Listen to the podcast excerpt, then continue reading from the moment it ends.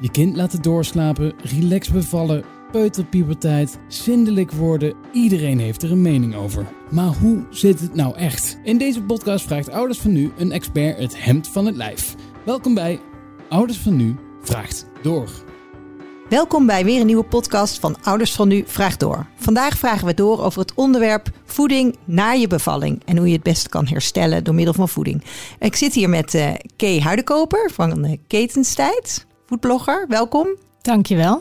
En met mijn collega Liedewijs Smeur, onze beeldcoördinator. Uh, Kay, leuk dat je er bent. Allereerst, wie ben je en wat doe je? Nou, zoals je zelf al mooi introduceerde, ben ik Kay Huidenkoper. Ik heb een uh, foodblog, Ketenstijd. Die ben ik in uh, 2011 begonnen. Eigenlijk omdat ik het gewoon enerzijds super leuk vind om te schrijven over echt van alles. Alledaagse dingen, anekdotes, dingen die ik meemaak uh, in de media, noem maar wat. En dat te koppelen aan leuke alledaagse recepten omdat ik um, het leuk vind om mensen te enthousiasmeren om gewoon lekkere, makkelijke dingen te maken. Want dat kan gewoon. En ondertussen zijn mijn recepten ook allemaal zonder vlees. En dat wil ik vooral niet te veel benadrukken, omdat ik denk, dan klinkt het zo weer belerend van, oh, zonder vlees, dat moet je niet doen. Dit zijn gewoon makkelijke, lekkere Zijn ze wel met vis? Nee, ook niet. Heel soms eet ik zelf wel vis, maar deze recepten zijn echt om te laten zien. Ze zijn makkelijk en snel en leuk. En er zit geen vlees in. Nee, maar ze zijn niet vegan. Nee, ze zijn niet vegan. Oké. Okay. Soms trouwens kan dat wel hoor, maar uh, uh, nee, niet uh, per se. Dus dat, dat ben ik begonnen. En verder heb ik, uh, ben ik daar niet dagelijks mee bezig. Sterker nog, hij ligt, hij, ja, ligt nu nou, een beetje plat, wou ik zeggen. Er gebeurt niet zo heel veel, omdat ik eigenlijk ook heel erg druk ben met allemaal andere dingen. Zes jaar geleden ben ik moeder geworden. Nou, en er zijn er nog twee gevolgd. Dus ik heb nu drie meisjes. En ik ben verder een brandmanager voor duurzaam, een bedrijf dat duurzame uh, eiwitten wint uit uh, insecten. Dus wat dat betreft hou ik me ook wel erg bezig met voeding. Ja. En, uh... Spannend, zouden we ook een podcast over op kunnen nemen? Dan denk ik meteen hoe dan. Zeker. Doen we dan een keer. Ja. ja. Ja, en je hebt ouders van nu een tijdje geleden benaderd, omdat je uh, kans zag om een boek te maken hè? Um, over zwanger zijn en eten en herstellen na je bevalling. Daar gaan we het natuurlijk vandaag over hebben. Waarom moest dat boek er komen? Ja, eigenlijk een beetje het uitgangspunt wat ik net al benoemde. Van dat ik het leuk vind om alledaagse leuke herkenbare stukjes te schrijven. Niet te koppelen aan alledaagse lekkere recepten. Begon ik toen ik zwanger werd ook stukjes te schrijven over het wel en wee van de zwangerschap. En uh, volgens mij heel herkenbaar, want iedereen die ooit zwanger is geweest herkent het van goh, zo'n buik en wat gebeurt er allemaal. En daar begon ik over te schrijven en ik koppelde ze eigenlijk aan elke zwangerschapsweek. Dus elke week ja, is er, gebeurt er weer wat anders en daar schreef ik over. En ik realiseerde me dat daar bij de zwangerschap voeding ook heel belangrijk is en ook dat een beetje per week uh, weer verandert. Nou, dat had ik dan in mijn eerste zwangerschap zo'n beetje geschreven. En toen, uh, zodra ik bevallen was, viel het hele plan weer naar de achtergrond. En was ik alleen maar druk daarmee. En toen werd ik weer zwanger. En toen dacht ik, oh ja, dat boek, moet ik daar niet nog eens een beetje mee bezig gaan? Verder schrijven. En toen bevallen, nou, helemaal niks meer aan gedaan. En toen dacht ik, nou, mocht er nou ooit een derde kind komen, dan moet ik dat boek maken. Ja hoor, er kwam een derde kind. Toen dacht ik, ja, dit moet. Ik wil dit uitbrengen omdat ik denk dat het gewoon zoveel leuker is als cadeautje als iemand zwanger is dan weer een romper. Gewoon een leuk kookboek met lekkere recepten die ook nog eens goed zijn voor jezelf en voor je die kleine. Maar ja, ik ben niet uh, de grootste BN'er op aarde. Ik dacht, ik wil dit uitgeven met een partij die ja, hier echt helemaal ook um, ja, uh, de pro op, op het gebied van zwangerschap en kinderen krijgen is. Nou, toen dacht ik aan jou, aan jullie. En toen dacht ik, ja, dat lijkt me gewoon super mooi om het samen te doen. Ja, nou, super mooi. Het uh, boek is er nu. Het heet Eten voor Twee. Dus uh, voor iedereen die geïnteresseerd is. Uh, Liedewij, jij bent natuurlijk, niet iedereen weet het hier nog, maar als dit de podcast er is, mag iedereen het wel weten. Uh, Liedewij, jij bent zwanger. Heb jij behoefte aan zo'n boek? Ja, heel erg. Ja, ik ben dus nu twaalf weken zwanger van mijn tweede. Gefeliciteerd. Dank ik wist het niet. En um, wat ik vooral merk is, uh, nou ja, we gaan het natuurlijk hebben over voeding, uh, uh, ja, of voeding bevorderlijk is voor je herstel, dus na de zwangerschap. Um, want wat ik dus heel erg heb gemerkt bij de eerste, na de bevalling, heb ik gewoon echt vier dagen lang gewoon niet fatsoenlijk gegeten. Omdat ik natuurlijk gewoon helemaal in die bubbel zat en in mijn cocon. En nou ja, alles wat de kraamverzorgster me, me voorschotelde, at ik op. Maar qua avondeten en verder denken dan dat, uh, dat kwam het helemaal niet. Pas toen er dat op dag vier mijn schoonfamilie kwam met een uh, fatsoenlijk bord eten, heb ik dus weer fatsoenlijk gegeten. Dus dat, uh, dat mag wel anders. Dus, dus wat dat betreft heb ik daar wel echt behoefte aan, ja. Oké, okay, we beginnen deze podcast altijd met een aantal stellingen waarop jij kan zeggen feit of fabel. Dus daar gaan we. Een goede maaltijd is het beste kraamcadeau dat je kunt krijgen. Absoluut. Een feit dus. Feit. Ja. Sorry. Ja, ja, ja, Ja, feit. zo streng ben ik niet. hoor. Als vegetariër heb je supplementen nodig om goed te herstellen van je bevalling. Feit. Goede voeding kan je herstel maken of breken.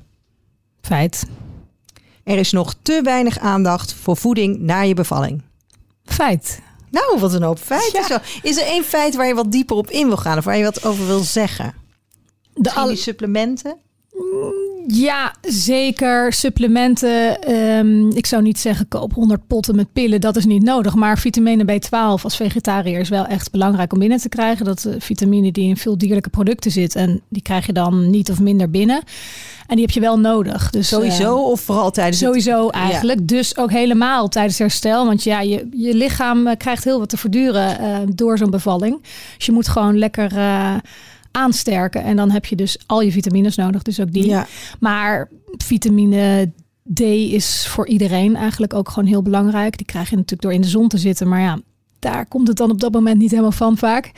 Dus dat zou ik ook wel zeker aanraden. Eigenlijk dus ook als je niet vegetariër bent. ja. En zou je die dan als losse supplementen of eh, een multivitamine?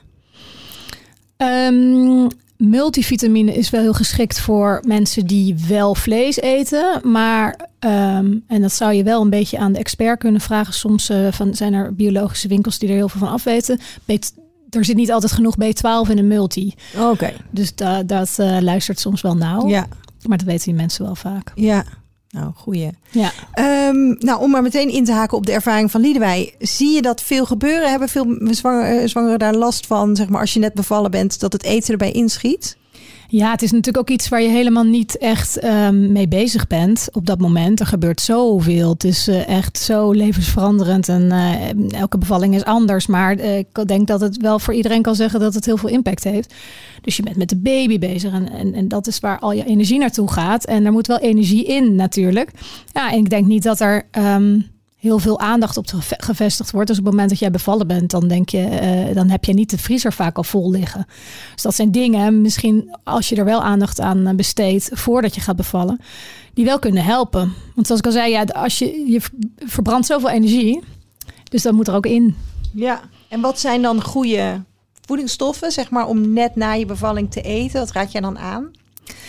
Eigenlijk is het, ehm, ehm, zoals je wel eens vaker hoort, is het gewoon heel belangrijk om balans, gebalanceerd dus, ehm, en gevarieerd. Natuurlijk veel groente, fruit, eh, goede vetten uit vis en avocado en noten. Dat is belangrijk, maar ook veel proteïne, want dat zijn echt bouwstenen. Dus, eh, en, en die heb je nodig voor je herstel. Dus ehm, die haal je uit eh, vis, uit kip, uit noten, uit peulvruchten, linzen, eieren natuurlijk. Ehm, maar ook echt koolhydraten. Het is niet het moment om af te vallen. Eh, dat is misschien aantrekkelijk. Je denkt, nou, hè, ik wil wel weer een keer mijn oude kleren aan. Dat komt wel. Op dat moment is dat echt nog eventjes niet eh, nodig. Wanneer kun je daar wel aan gaan denken? Nou, hoeveel maanden? Dat ligt ook wel een beetje daaraan of je borstvoeding geeft. Als je borstvoeding geeft, dan, eh, ja, dan, dan ben je echt een melkfabriekje. Dus dan moet er ook veel meer energie in. Dan mag je wel bijna 500 calorieën meer op een dag dan wanneer je dat niet doet. Ehm, dus ik zou sowieso tijdens borstvoeding geven niet denken aan afvallen. Als je daar wel mee gestopt bent, ja, bouw het langzaam eh, weer eens een keer op. En dus vooral op een gezonde manier. Maar ehm, niet lukraak inderdaad alle koolhydraten schrappen. Dat lijkt me niet eh, verstandig. Daar word je ook flauw van. Het, het kost best wel even... Ja, ze zeggen niet voor niets negen maanden op, negen maanden af. En toen ik dat wel eens hoorde voordat ik beviel, dacht ik wat een onzin. Dat gaat mij niet gebeuren. Maar dat, dat is het toch wel. Misschien is het wel langer zelfs. Een maand, of eh, een jaar misschien wel. En heb ook die rust. Want het komt daarna echt wel. We hebben zo'n lang leven en eh, alle tijd. Ja. Hey, en eh, die borstvoeding. Nou, misschien nog eerst even terug, toch dat herstel. Hè? Je bent net bevallen. Zijn er dan, je hoort wel eens bijvoorbeeld, je moet niet te veel citrusvruchten eten. Of je moest juist veel warme dingen eten. Wat, hoe, wat denk jij daarvan? Er is eigenlijk niet iets wat je niet mag eten. Er mag gewoon heel veel wel. Ook tijdens de zwangerschap is het zo dat er natuurlijk heel veel mythes zijn. Oh, er mag heel veel niet. Er mag heel veel wel. Dat geldt hier ook. Ehm, warm eten is gewoon heel. ehm, ehm, geeft ook heel veel warmte. Dus dat is gewoon echt iets waar, waar je dus weer kracht uit kan halen. Dus dat is gewoon iets heel fijns om lekkere warme dingen te eten. Dus bijvoorbeeld linzensoep. Dat is dus en eiwitrijk, maar ook lekker warm. En eh, als je dan eenmaal zo'n pan op, op het vuur hebt staan, kan je ook heel snel even een kommetje pakken. Dus dat is natuurlijk ook lekker makkelijk, want ja, zoveel tijd om te koken heb je niet. Dan zijn er natuurlijk voedingsstoffen van, waarvan wordt gezegd, het kan wel uh, krampjes geven bij de kleine via je borstvoeding. Het is nooit wetenschappelijk bewezen. Maar ja, ik denk wel, uh, als je vermoedt dat wanneer jij boerenkool eet, dat dat onwijze krampjes bij je baby geeft. Ja, dan stop je met boerenkool eten. Ik deed dat namelijk wel. Uien, kolen, knoflook. Ik altijd allemaal niet, omdat ik dacht dat het zo was. Dus ja, als je dat denkt, dan moet je het uh, gewoon laten. Er zijn genoeg andere lekkere dingen. Maar um, waarom dacht je dat? Had je dat ergens gelezen? Of? Ik had het gelezen en toen ik, ja, ik, ik merkte het ook echt. Ik heb één keer boerenkool gegeten en toen, nou, die avond krijste ze het uit. Ik dacht, nou, uh, mij niet gezien, echt drie uur lang. Nou ja, dat is natuurlijk geen pretje. Dan denk ik, laat ik bord wat boerenkool even staan. Ja. Um, of het echt zo is, ja, ik weet het niet zeker. Maar um, er waren ook dagen waarop ze het niet had. Dus dat viel me wel op. Ja, Liedewij, heb, wat, wat heb jij, want jij zei dus, ik heb weinig gegeten. Hè? Wat zou je nu anders gaan doen bij je tweede bevalling? Nou, ik sowieso, uh, sowieso zou ik iedereen uh, die op kraambezoek uh, komt willen vragen: neem alsjeblieft iets te eten voor me mee. Want ja, ik was dus heel slecht voorbereid. Ik had dus, zoals Kay ook al zei, mijn vriezer totaal niet vol met eten. Dus dat, um, daar, daar zou ik wel echt anders in willen staan. Um, nou, en ik had dan dus nog een vraag, want mijn kraamverzorgster die zei dus vorige keer tegen mij van, nou, als je borstvoeding wil geven, dan is het bijvoorbeeld ook goed om veel havermout te eten, om dat dan echt wat meer op gang te brengen. Heb jij daar verder nog tips voor? Ja, zo komt mijn, mijn moeder kwam dan elke, elke bevalling weer met bruin bier aanzetten. Dat is volgens mij echt een soort advies uit het jaar nul. Dat je bruin bier moet drinken. Ik heb het ook nooit opgedronken. Maar um, um, havermout is sowieso uh, heel verzadigd en heel gezond. En dus ik geloof sowieso in dat allerlei gezonde dingen heel goed helpen. Omdat het gewoon iets is, uh, die melkproductie die op gang moet komen. Iets is wat heel veel energie vergt. Dus is havermout ook goed. Ja.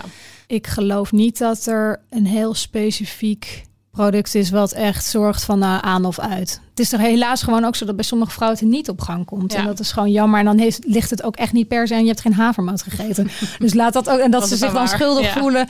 Oh, had ik mijn havermout gegeten? Nee, dat is ook echt niet zo. Nee. Maar het is wel om eh, bij Hilde, eh, om Hilde aan te vullen, ook echt het cadeau.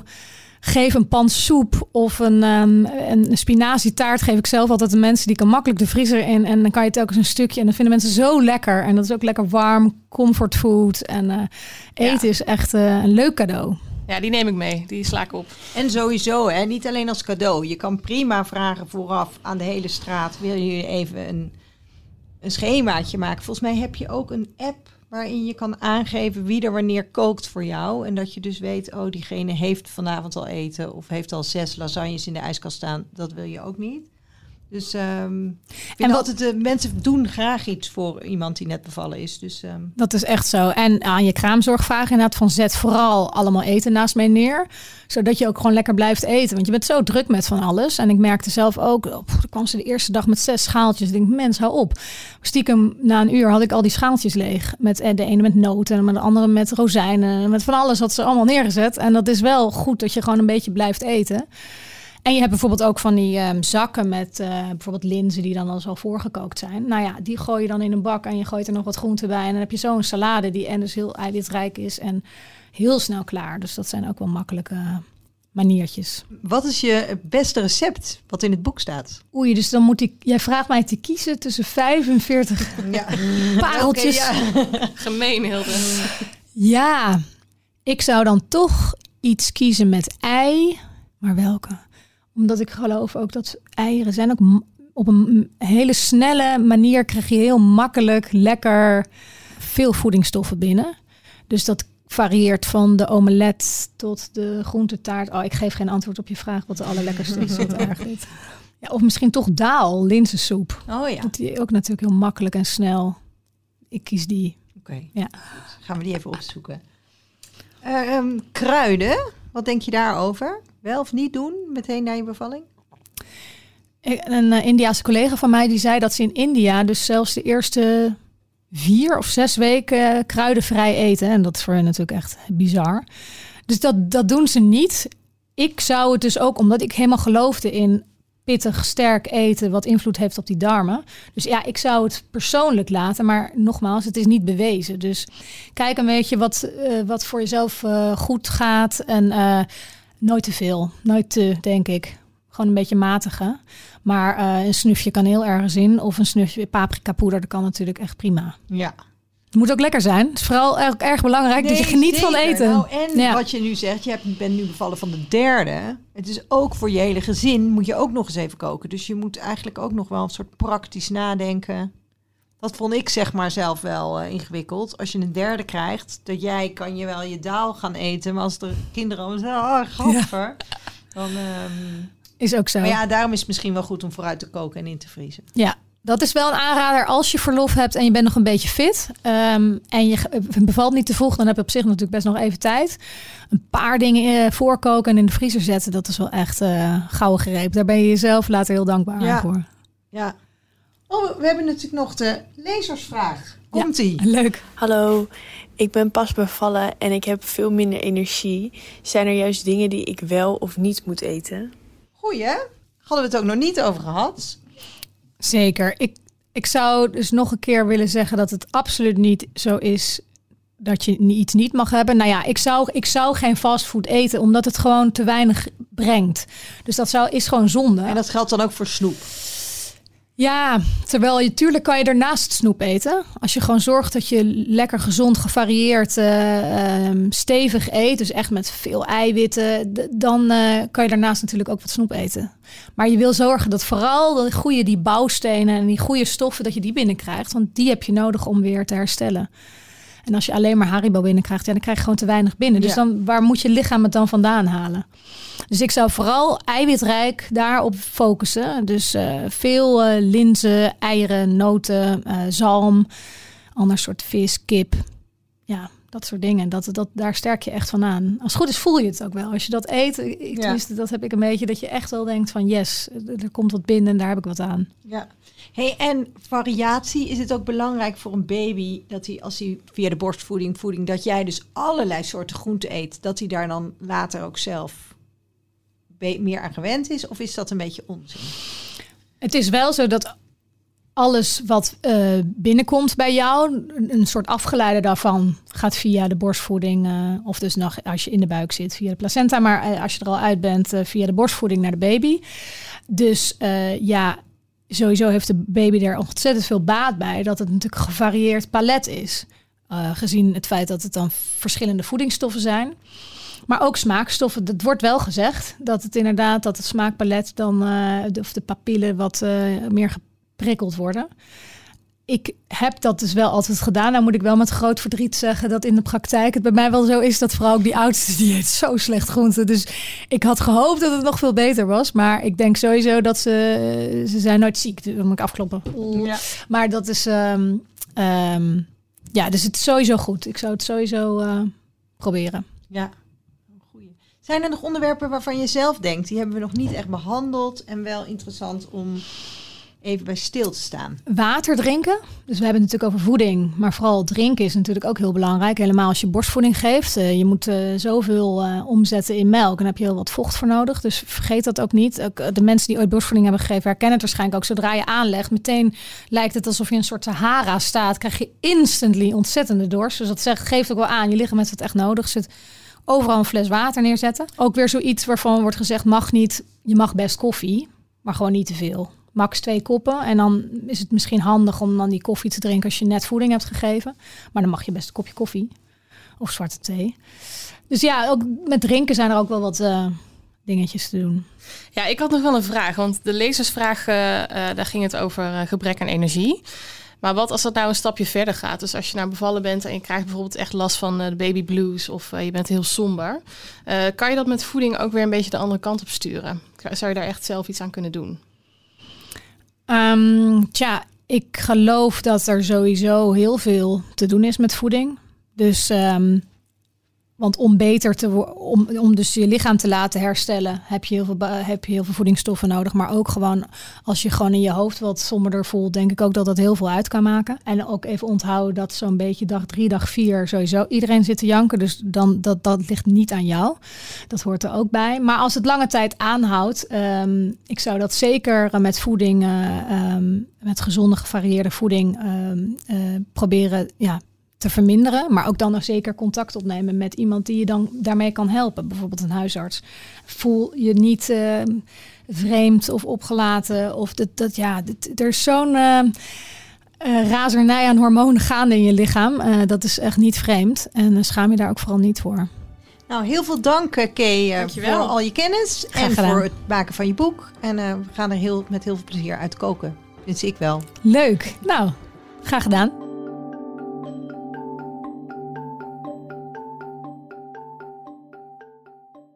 Dit is Dead or Alive. In deze podcast praten twee papa's iedere keer met een bekende papa over het vaderschap. Zo de niet op alsjeblieft. Dead or Alive. De podcast voor en door vaders.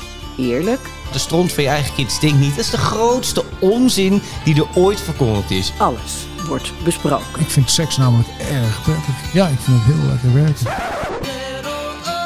Met presentator Manuel Venderbos, heteropapa van twee. Mijn dochter kan mij echt om de vinger winden gewoon. En entertainmentdeskundige Erik de Munk, homovader van één. Nou, ik heb ze gewoon in leven gehouden. En einde.